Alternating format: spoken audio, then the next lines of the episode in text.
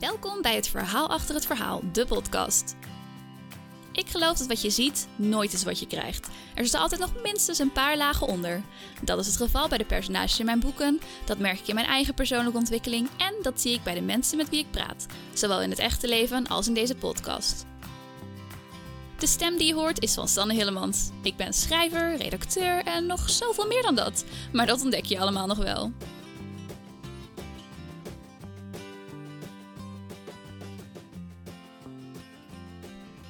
Vandaag wil ik het met jullie hebben over de start van mijn reis als freelancer.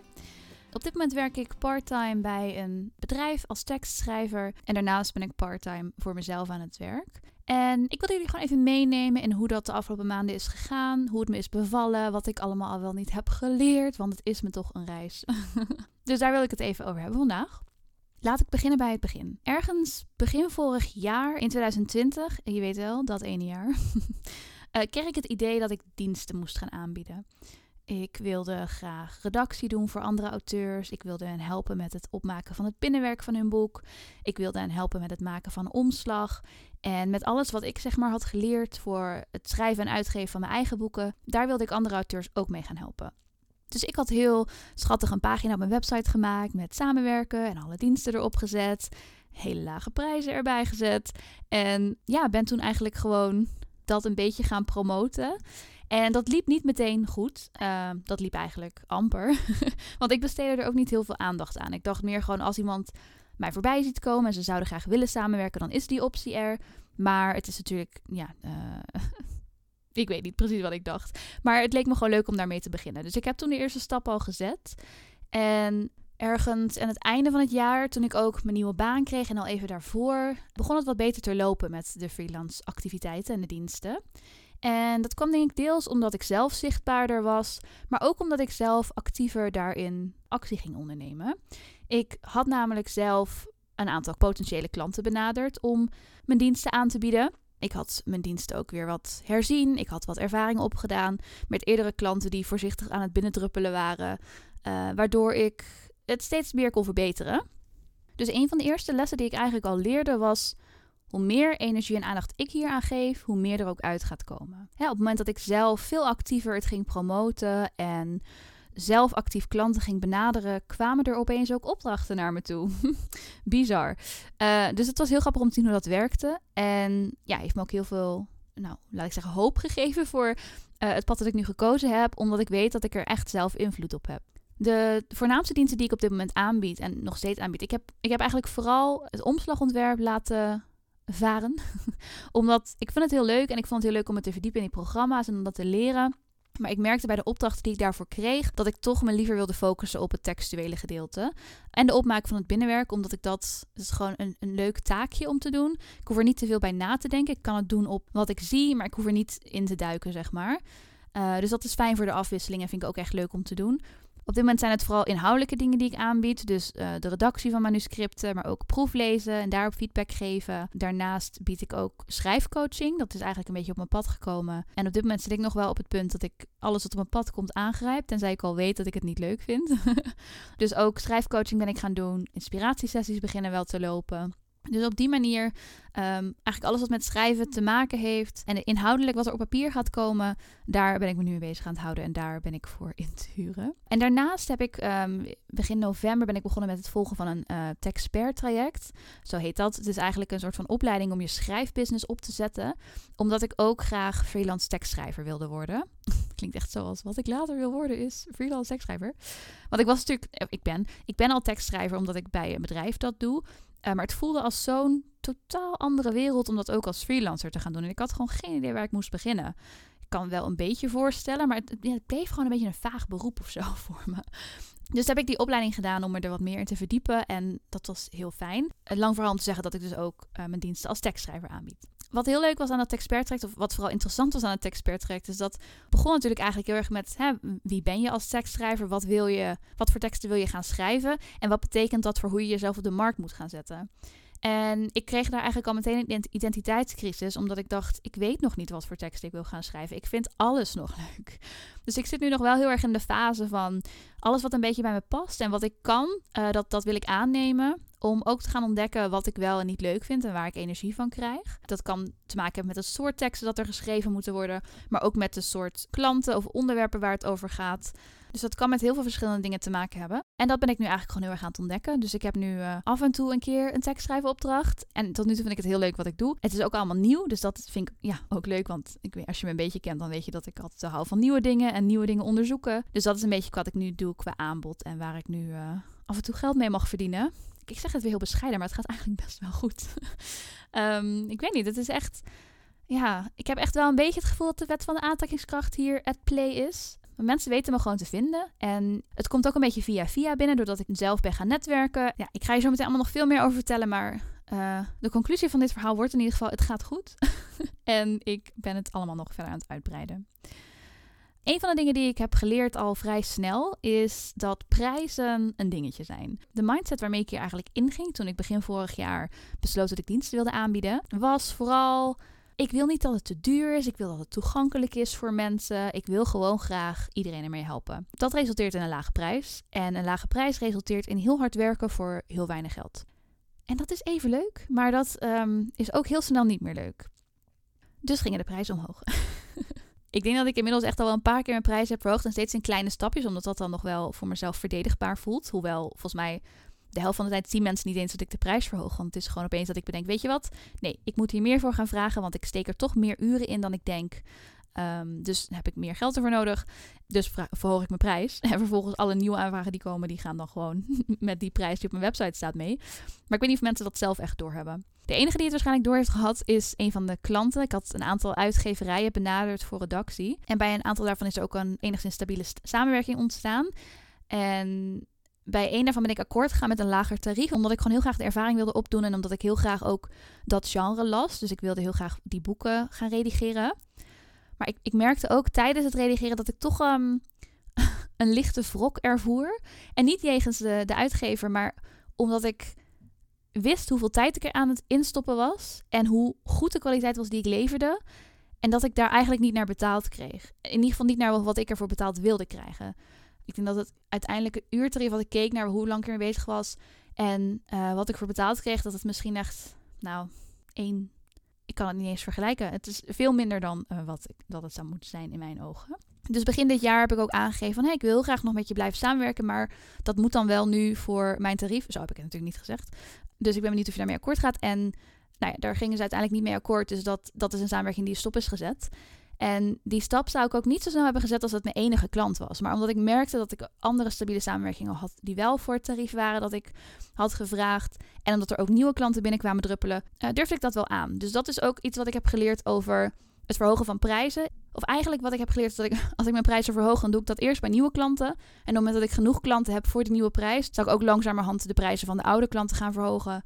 Zodat die daarin meegaan en dat ik ook daar weer goed aan ga verdienen. En als daar dan samenwerkingen wegvallen, dan vind ik dat ook niet meer erg. Omdat ik dan weet dat ik het ook voor een hoger bedrag kan gaan doen. En dat ik daarmee de klanten krijg die wel bij me passen. Daarnaast merk ik ook dat er iets is veranderd in hoe ik mezelf daarin zie. Want in het begin zag ik mezelf echt heel erg als werknemer van mijn klanten. Waar ik eigenlijk heel erg naar streefde was een samenwerking met hen. Dus dat we echt samen gingen doen en dat we wat dat betreft evenredige voet zaten. Maar zo profileerde ik mezelf niet en daar paste ik mijn prijzen ook niet op aan. Um, dus juist door die lage prijzen kreeg ik heel erg het werknemersgevoel. In plaats van die fijne samenwerking waar ik juist naar op zoek was. Dus dat is ook iets interessants wat ik heb geleerd over de money mindset. Dat op een gegeven moment, als je de prijzen vraagt waar je zelf echt tevreden mee bent, dan ga je er ook met een heel ander gevoel in. En krijg je juist vaak de klanten die passen ook bij ja, jouw visie en uh, hoe jij het wil gaan doen. Mijn grootste mysterie toen ik begon was eigenlijk hoe kom je nou aan klanten? En de grap is eigenlijk dat ze overal zijn.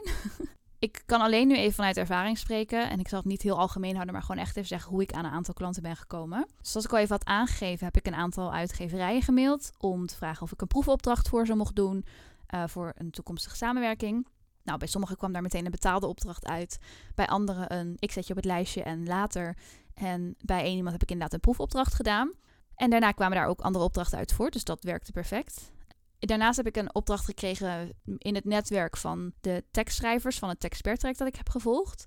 Ook is er een opdracht via via uitgekomen, via een bevriende tekstschrijver die zoiets had van ik uh, wil even geen nieuwe opdracht of ik wil deze opdracht niet, maar hier is Sanne. en dat heeft ook perfect uitgepakt. En daarnaast ook via social media merk ik echt wel dat mensen me weten te vinden. En ook blijkbaar via Google. Wat heel grappig was, want ik heb dus echt al maanden op mijn to-do-lijst dat ik mijn SEO moet gaan aanpassen en verbeteren. En op een gegeven moment zat er opeens iemand in mijn mailbox die zei: uh, Ja, nee, ik heb je gewoon gevonden via Google. dus dat was heel leuk. Dus mensen weten wat dat betreft een beetje te vinden. En wat ik heel erg merk op dit moment is dat ik even niet zo heel veel actief doe aan marketing. Ik heb allemaal ideeën voor wat ik kan gaan doen. Alleen ik zit even in een fase waarin ik heel graag ook de tijd die ik vrij heb wil gebruiken om te schrijven. Omdat ik bezig ben met een verhaal dat ik ontzettend graag af wil hebben. Omdat ik allemaal plannen heb voor wat er gaat gebeuren als het af is. En ik, ik kom er niet aan toe. En daar kom ik zo nog even op terug. Want dat kies ik natuurlijk helemaal zelf. Dus ik merk nu ook dat als er even geen opdrachten zijn, is het prima. Want dan ga ik daar wel aan werken. En dat zorgt er ook voor dat ik nu even minder actief ben in mijn eigen marketing en acquisitie. En even geen nieuwe partij aan het aanschrijven ben omdat ik nou, ik wil niet zeggen snak naar die vrije tijd of naar die schrijftijd. Um, want dat moet ik ook gewoon beter gaan leren plannen uiteindelijk. Maar omdat het even niet zo erg is als er wat minder opdrachten binnenkomen. Dus ja, ik ben eigenlijk heel tevreden in hoe dat gaat. En ook hoe spontaan het soms gebeurt. Dat er dan opeens weer een mailtje hebt met een nieuwe opdracht. Dat ik denk, oh ja, dit heb ik ooit gemanifest. Maar ik wist niet dat ze dat nog in gedachten hadden, zeg maar. Dus ja, ik vind het zo mooi hoe dat gaat. En past helemaal bij me en het bevalt heel goed. Iets anders waar ik wel tegenaan loop is um, plannen. Ik dacht het dat ik wel een beetje een planner was, maar ik ben uh, niet, niet een goede planner. ik vind het vooral heel lastig om aan planningen te houden. Wat ik heel erg merk bij mezelf is dat zodra er een opdracht in mijn mailbox zit, of zodra er iets komt van ik kan weer iets gaan doen, dan wil ik dat ook meteen doen. En dan wil ik eigenlijk alles aan de kant schuiven om iets af te hebben. Ik merk dat ik er een hekel aan heb als er dingen op mijn to-do-lijst blijven staan. En dat is erg lastig als je redactieopdrachten binnenkrijgt voor 80.000 woorden, waar je gewoon heel veel uren over gaat doen en wat je nooit in één dag af kunt krijgen. Uh, dus wat ik langzaam maar zeker een beetje aan het leren ben, is om, om toch meer te gaan plannen. Maar ook om, als ik een opdracht krijg, mezelf langere deadlines te geven. En af en toe gewoon te zeggen van, hé, ik heb er nu geen tijd voor, maar over twee weken wel. Of ja, dus dat ik zeg, ik, ik kan het later pas aanleveren. Dus, dus daar ben ik heel erg aan het leren om mezelf meer ruimte en tijd te geven. Zodat ik niet alles snel snel hoef te doen en ook alle weekenden aan het werk hoef te zijn. Maar daarnaast wil ik ook beter letten op het feit dat ik de werkdagen die ik aan mijn eigen bedrijf wil besteden, ook echt ga besteden aan mijn eigen bedrijf. Nou wil ik daar wel flexibel in blijven. Zo had ik laatst bijvoorbeeld een donderdag waarop ik echt echt toe was aan een dag niks. En dat heb ik toen ook genomen, want wat heb ik toch een vrij leven dat dat kan. Uh, maar toen heb ik vervolgens wel op zaterdag weer veel gedaan. Dus kijk, dan kan ik daar wel in schuiven. Maar het moet niet zo zijn dat ik uiteindelijk een, een uh, loondienst werkweek heb van drie dagen en een freelance werkweek van vier dagen. Er moet wel ook vrije tijd overblijven. Dus ja, ik ben daar gewoon heel erg mee aan het werken om te kijken wat, wat past bij mij en hoe kan ik dat het beste inrichten. En ik vind het al beter gaan. Maar het kan nog beter. Vooral het stressige gevoel als ik een opdracht binnenkrijg en denk, oh, ik moet het nu meteen doen. Maar dat is niet zo. Wat daarbij trouwens heel erg helpt, is om mijn mail niet te checken, want dan komen die berichten niet binnen. um, dus dat werkt ook goed. Um, oh, ik heb echt al heel veel verteld van wat ik wil vertellen. Hm, blijkbaar ben ik niet zo lang van stof als ik dacht. wat ik nog even wilde aanstippen is netwerken. Want wat grappig is, is dat ook een van de redenen dat het nu wel goed loopt, is omdat ik eigenlijk al heel lang aan het netwerken ben. Alleen deed ik dat zonder reden en onbewust. Ik bedoel, ik heb gewoon een heel groot netwerk opgedaan in de schrijverswereld al. Ik ben op social media actief, waardoor mensen me wel eens voorbij kunnen zien komen. En daarnaast heb ik nu ook gewoon een aantal vriendinnen die ook freelancer zijn of die ook zelf aan het netwerken zijn. Dus als die dan iets hebben wat niet bij hen past of iemand die zoekt naar iets wat ik bijvoorbeeld doe, dan komen via via ook echt nog wel regelmatig klanten bij mij terecht. Dus dat is ook super leuk. Ik, ik merk echt ook, ik vind het ook heel leuk nu om te netwerken. En dat vond ik op zich altijd al wel. Alleen toen dacht ik altijd dat ik het deed voor vriendschappen. En nog steeds, kijk, als er een vriendschap uitkomt, fantastisch. Alleen, ik merk dat het nu ook wel met andere redenen is van... oké, weet je, wat, wat heb jij nodig? Waar kan ik je misschien mee helpen? En dan niet eens per se meteen om mijn diensten maar te verkopen... maar echt om iemand van dienst te zijn. Hè, dus hebben ze bijvoorbeeld iemand nodig voor iets dat ik helemaal niet aanbied... dan wil ik meteen denken, oh, wie ken ik die daarbij past? Of hoe kan ik met je meedenken? Omdat heel veel van de contacten die ik opdoe, dat zijn natuurlijk mensen die ook aan het freelancen zijn of ook bezig zijn met hun eigen bedrijf.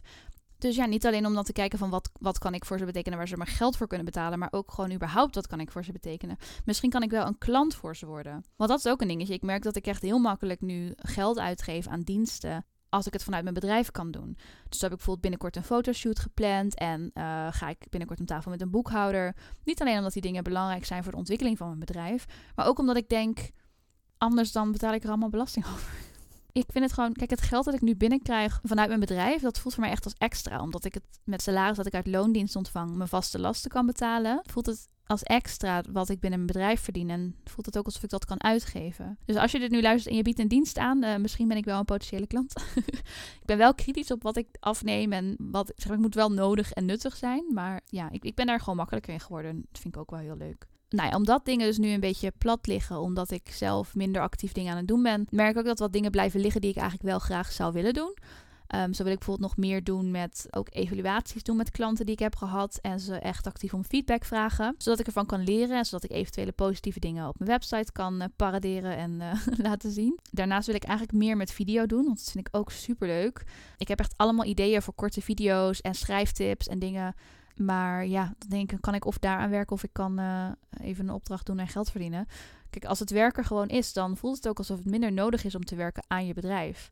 Het is bij veel ondernemers een bekende term dat je kunt werken in je bedrijf of aan je bedrijf. Nou, bij mij, hoe dat eruit ziet, is dat ik in mijn bedrijf werk op het moment dat ik opdrachten krijg. En ik werk aan die opdrachten waar ik dus geld voor ga verdienen. Uh, dus ik ben iets aan het redigeren of ik ben een tekst aan het schrijven voor iemand of een boek aan het opmaken of wat dan ook. En aan mijn bedrijf werken is eigenlijk alles wat daarbij komt kijken. Dus de content die ik maak, de marketing die ik doe, mijn website aanpassen, mijn aanbod aanpassen, dat soort dingen. Ik merk dat ik daarin ook vooral nu nog heel spontaan ben. En dat vind ik ook gewoon even prima. Dat als ik op een gegeven moment een idee heb van, oh, ik kan dit ook gaan aanbieden of ik kan ook dit op mijn website zetten, dan doe ik dat vaak ook vanuit die flow van inspiratie. In plaats van dat ik eerst heel lang over nadenk en dan ga inplannen dat ik het een keer moet gaan doen. En tot nu toe werkt dat prima, maar dat is waarschijnlijk niet houdbaar voor de lange termijn. Tot slot is op dit moment eigenlijk het grootste doel om aan het eind van het jaar over te kunnen stappen op volledig freelancen. En om dat doel uiteindelijk te behalen ben ik nu ook heel erg bezig met meten. Dus hoeveel uren besteed ik aan iets en hoeveel krijg ik daarvoor? En zit dat in de buurt van mijn ideale uurtarief of niet? Dus ik ben alles nu vooral goed aan het bijhouden en aan het doen, zodat ik daarop uiteindelijk kan aanpassen. Als ik dan heb geleerd wat ik wel en niet leuk vind of wat me wel en niet genoeg oplevert. Maar ja, tot nu toe vind ik het een heel leuk spel en ik vermaak me goed en ik vind het ook echt bij me passen. De kortdurende projecten werken ook goed voor mij. En het feit dat je echt een beetje kunt gaan kiezen met wie je wilt samenwerken. En als iets niet bevalt, ja, dan kun je samenwerking gewoon stopzetten. No hard feelings, want het moet er erbij iets uithalen. Dus ik vind het gewoon heel fijn het is echt volledige vrijheid. En ik weet dat iedereen het altijd roept over ondernemerschap, maar het is zo. En ik heb het nu ook ondervonden. En uh, ja, ik vermaak me wel. Ik uh, nog heel veel plannen, heel veel ideeën. Uh, maar ondertussen ben ik ook gewoon lekker aan het werk. En mijn eigen geld aan het verdienen. Oh, dat voelt, dat voelt echt goed. Het voelt verrassend goed. Het is toch wel mijn hoogtepunt ook trouwens. Om facturen te sturen en dan af en toe mijn rekening te checken. Om te zien of het al binnenkomt. En dan te zien wat voor bedrag er op mijn rekening staat. En. Ik zal je niet langer vervelen met de financiën. Waarschijnlijk geef ik over een paar maanden wel weer nieuwe updates en heb ik weer allemaal nieuwe lessen geleerd, dus dan hou ik jullie op de hoogte. En om de podcast af te sluiten wil ik nog even een luistervraag bespreken. Deze vraag is van Femke en die vraagt: Wat is het geheim van een podcaststem? ik heb geen idee. Waarschijnlijk rustig praten, maar daar hou ik me eigenlijk niet aan, want ik denk heel snel en ik praat heel snel. Hoewel ik het wel uh, rustiger maken voor de podcast. Dus ik ben wel, ik praat wel iets minder snel dan normaal. ik denk dat er ook een natuurlijke flow in moet zitten. En, en wat ik zelf. Kijk, het is natuurlijk goed als er af en toe een stilte valt. Dat is ook prima. Maar ik probeer het wel zo te editen ook dat het interessant blijft. Ik weet ook niet of het echt te maken heeft met de stem. Ik denk dat het ook iets te maken heeft met de delivery. um, kijk, ik vertel dit echt alsof ik het aan jou vertel, aan jou de luisteraar. En daarin probeer ik zoveel mogelijk content in een korte tijd te stoppen, omdat ik weet hoe kostbaar je tijd is. Dus, en ik denk daarin dat de stem niet per se heel veel uitmaakt. Misschien is een heel zwaar accent een beetje lastiger te verstaan. Maar ik, ja, ik denk dat het vooral is in hoe je het vertelt en hoe je praat. En dat je niet één monotone stem hebt en een paar woorden opdreunt. Maar dat je echt gewoon geanimeerd aan het praten bent. En doet alsof je praat tegen iemand die tegen je aan het luisteren is. Want als ik dit zo aan het inspreken ben. Ik zit hier nu gewoon in mijn eigen kamer tegen de microfoon te praten. Terwijl ik op het scherm zie hoe mijn geluidsgolven verschijnen. Maar ik denk aan jou die misschien een wandeling aan het maken is. En mij in je oor hebt zitten. Of aan hoe je aan het autorijden bent en naar mij aan het luisteren bent. Of gewoon thuis bent en zoiets hebt van nou ik heb wel even een, een, kwartier of twintig minuten. Ik zet hem wel even nu aan. Ik, ik denk gewoon al een beetje aan waar komt mijn stem straks terecht. En hoe zou ik willen in zo'n situatie dat er tegen me gepraat wordt. En die informatie op me overgebracht wordt. En ja, ik, ik praat ook gewoon een beetje zo. Het is ook een deel natuurlijk. Dus ik weet niet of ik echt tips hiervoor heb. Omdat ik niet... Uh, me er niet dusdanig in heb verdiept om er zelf dingen in aan te passen. Ik doe eigenlijk maar gewoon wat. dus ja. Heel erg bedankt voor het luisteren. Wat je ook aan het doen bent, waar je ook bent, hoe je ook naar me aan het luisteren bent. Ik zou je willen vragen als je voor mij een recensie wilt achterlaten op het platform waarop je dit aan het luisteren bent. Dat zou ik echt super tof vinden. Dat schijnt ervoor te zorgen dat je groter bereik krijgt. Ik weet nog niet precies hoe het werkt. Maar het is gewoon leuk om die recensies te verzamelen. Dus als je het voor me wilt doen, heel erg graag. Wat ontzettend leuk dat je hebt geluisterd naar deze aflevering van Het Verhaal achter het Verhaal. Vond je deze podcast leuk of interessant? Dan wil je het misschien aanraden aan een vriend, vriendin, collega, familielid, wie dan ook. Maar voordat je dat doet, ik ben ervan overtuigd dat we mensen niet moeten aanraden wat wij leuk vinden, maar wat we denken dat zij leuk vinden. Dus vertel ze er alleen over als je iemand kent die mijn podcast misschien ook leuk zou vinden.